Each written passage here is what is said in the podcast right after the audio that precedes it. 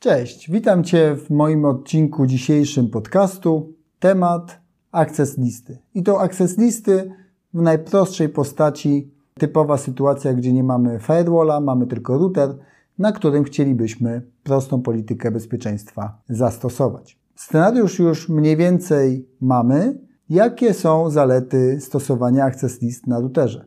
No zalety są takie, że jeżeli mamy małą sieć, nie mamy innych dodatkowych urządzeń bardziej zaawansowanych, to możemy odseparować ruch pomiędzy poszczególnymi kategoriami systemów, użytkowników, VLANów, w zależności od tego, co potrzebujemy zrobić. No i jeszcze jedna bardzo ważna funkcjonalność, że możemy na większości dzisiejszych routerów zrobić to stanowo. Czyli jeżeli jest sesja nawiązywana w jednym kierunku, to automatycznie jest dodawany wpis do bazy znanych sesji dla ruchu powracającego, który zezwala nam na odpowiedni ruch. W związku z tym możemy pisać bardziej restrykcyjne access listy, które będą pozwalały na wychodzenie pewnego ruchu, a powrót tylko dla sesji, które są nawiązane na przykład od bardziej zaufanej strony, czyli od wewnątrz. Jak pisać access listy? Schemat jest bardzo prosty, czyli najpierw tworzymy access listę i robimy wpisy. Wpisy mają znaczenie, czyli kolejność ma znaczenie,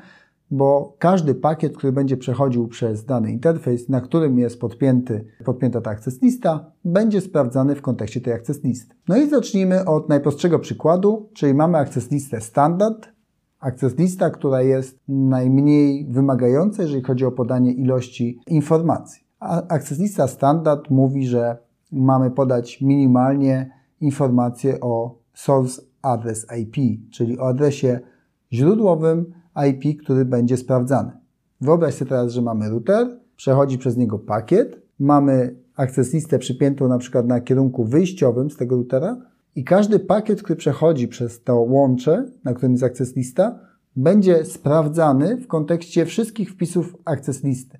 Jeżeli zastosujemy access listę standard, czyli tylko source IP adres będzie sprawdzany, w tym momencie mamy sprawdzanie każdego pakietu w nagłówku IP pod kątem IP source adresu. Mamy oczywiście inne jeszcze możliwości. Możemy access listę advanced zastosować, gdzie mamy możliwość podania i source adresu, i destination adresu, i dodatkowych jeszcze parametrów typu protokół, TCP, numer portu. E, możemy dodatkowe opcje stosować, w zależności od tego, co chcemy. Ale trzymajmy się tego scenariusza, że mamy prostą sieć i chcemy ograniczyć komunikację od danych hostów do jakichś systemów. I wtedy ta access lista standard jest najczęściej zupełnie wystarczająca, bo bazujemy na IP i to jeszcze kto wywołuje to połączenie, czyli ten source IP. Możemy jeszcze też opcjonalnie wykorzystać e, te access listy na poziomie warstwy drugiej. Są też takie możliwości. Możemy pisać pewne reguły i blokować ruch dotyczący konkretnych MAC adresów albo OUI, w zależności od możliwości danego producenta. To jest już scenariusz dużo rzadziej wykorzystywany, ale jednak możliwy. Jeżeli byśmy chcieli na przykład blokować w naszej sieci, przynajmniej po OUI, czyli po części MAC adresu, informacji e, dotyczącej producenta. Wszystkie telefony tego producenta, którego chcemy wskazać, mają być blokowane, na przykład. Albo możemy wskazać w bardziej zaawansowanym scenariuszu, że dany access listą określony zakres MAC adresów ma być przypisany w dalszej części konfiguracji do VLANu na przykład voice. Że możemy w ten sposób dołączać telefony do VLANu voice, a nie grupować całego ruchu razem z transferem data, czyli z pakietami innego typu. Więc mamy tutaj dwie kategorie takie typowe, access listy standard i advanced. No i tutaj warto jeszcze zatrzymać się na chwilę nad wątkiem kierunku już pisząc access listę, powinieneś mieć na uwadze, w którym miejscu ona będzie zastosowana. Dlatego, że jeżeli napiszesz na przykład, że source adres IP 192.168.1.200 ma być blokowany i ty pierwotnie myślałeś o kierunku na przykład wyjściowym na interfejsie wanowym danego routera, czyli wychodzącym gdzieś do internetu, ale zamiast tego ktoś inny albo ty po jakimś czasie stwierdziłeś, a przypiszę go na interfejsie SODS, czyli tym LANowym, no to zauważ, że każdy pakiet, który będzie przechodził w danym kierunku, będzie miał inne trochę parametry tego nagłówka IP. Czyli jeżeli mówisz, że source IP z końcówką 200 ma być blokowany i przypiszesz go na kierunku out LANu, to pakiet, który będzie szedł od strony tego peceta, nie będzie się w tą regułę łapał. Przejdzie przez router i zostanie wysłany dalej. Tak? Z kolei pakiet, który będzie wracał z internetu, będzie miał destination address IP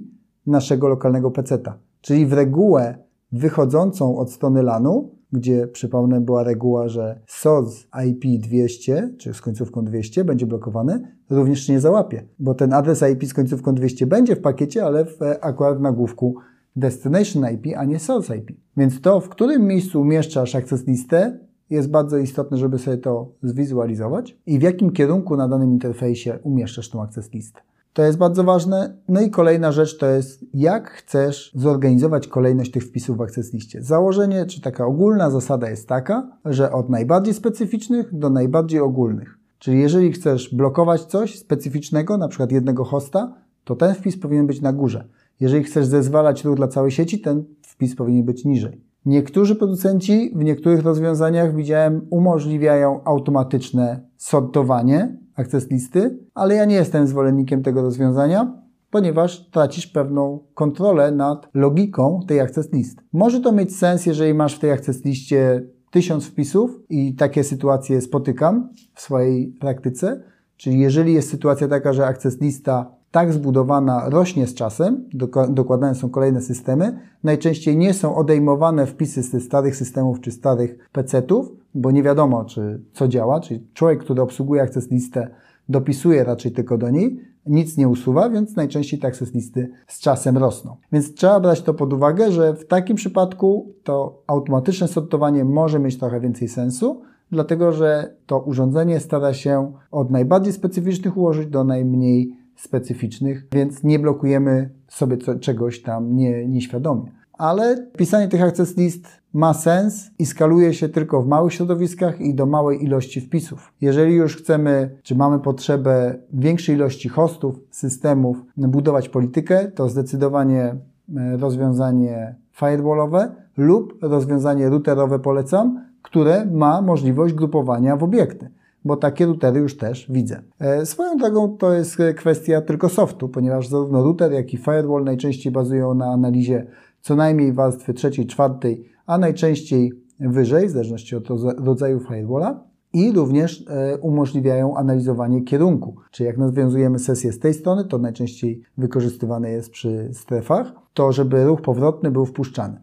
I to zarówno firewall, jak i router współczesny też to potrafi. Więc w zależności od tego, co potrzebujesz wykonać, jak dużo środków masz na wydanie, możesz użyć zwykłego routera, współczesnego i pewne reguły na nim pisać. Może z jednym zastrzeżeniem, e, które też od razu z praktyki wynika, to powiem, że to się również źle skaluje, jeżeli masz dużo małych lokalizacji. Czyli jeżeli masz dużo małych lokalizacji i chcesz na indywidualnych routerach w każdej lokalizacji pisać jakieś access listy, to to się w ogóle nie nadaje do praktycznego wykorzystania. Access listy na routerze nadają się praktycznie tylko wtedy, kiedy masz malutkie środowisko, masz jeden router, nad którym panujesz, albo przynajmniej w jednym miejscu na jednym routerze te access listy piszesz, to wtedy ma to sens i można w ten sposób z tego korzystać i warto z tego korzystać, jeżeli nie masz innych możliwości, po to, żeby ten ruch sobie ograniczać. W większych środowiskach zdecydowanie ważne jest centralne zarządzanie tymi politykami, nawet jeżeli masz implementację na poziomie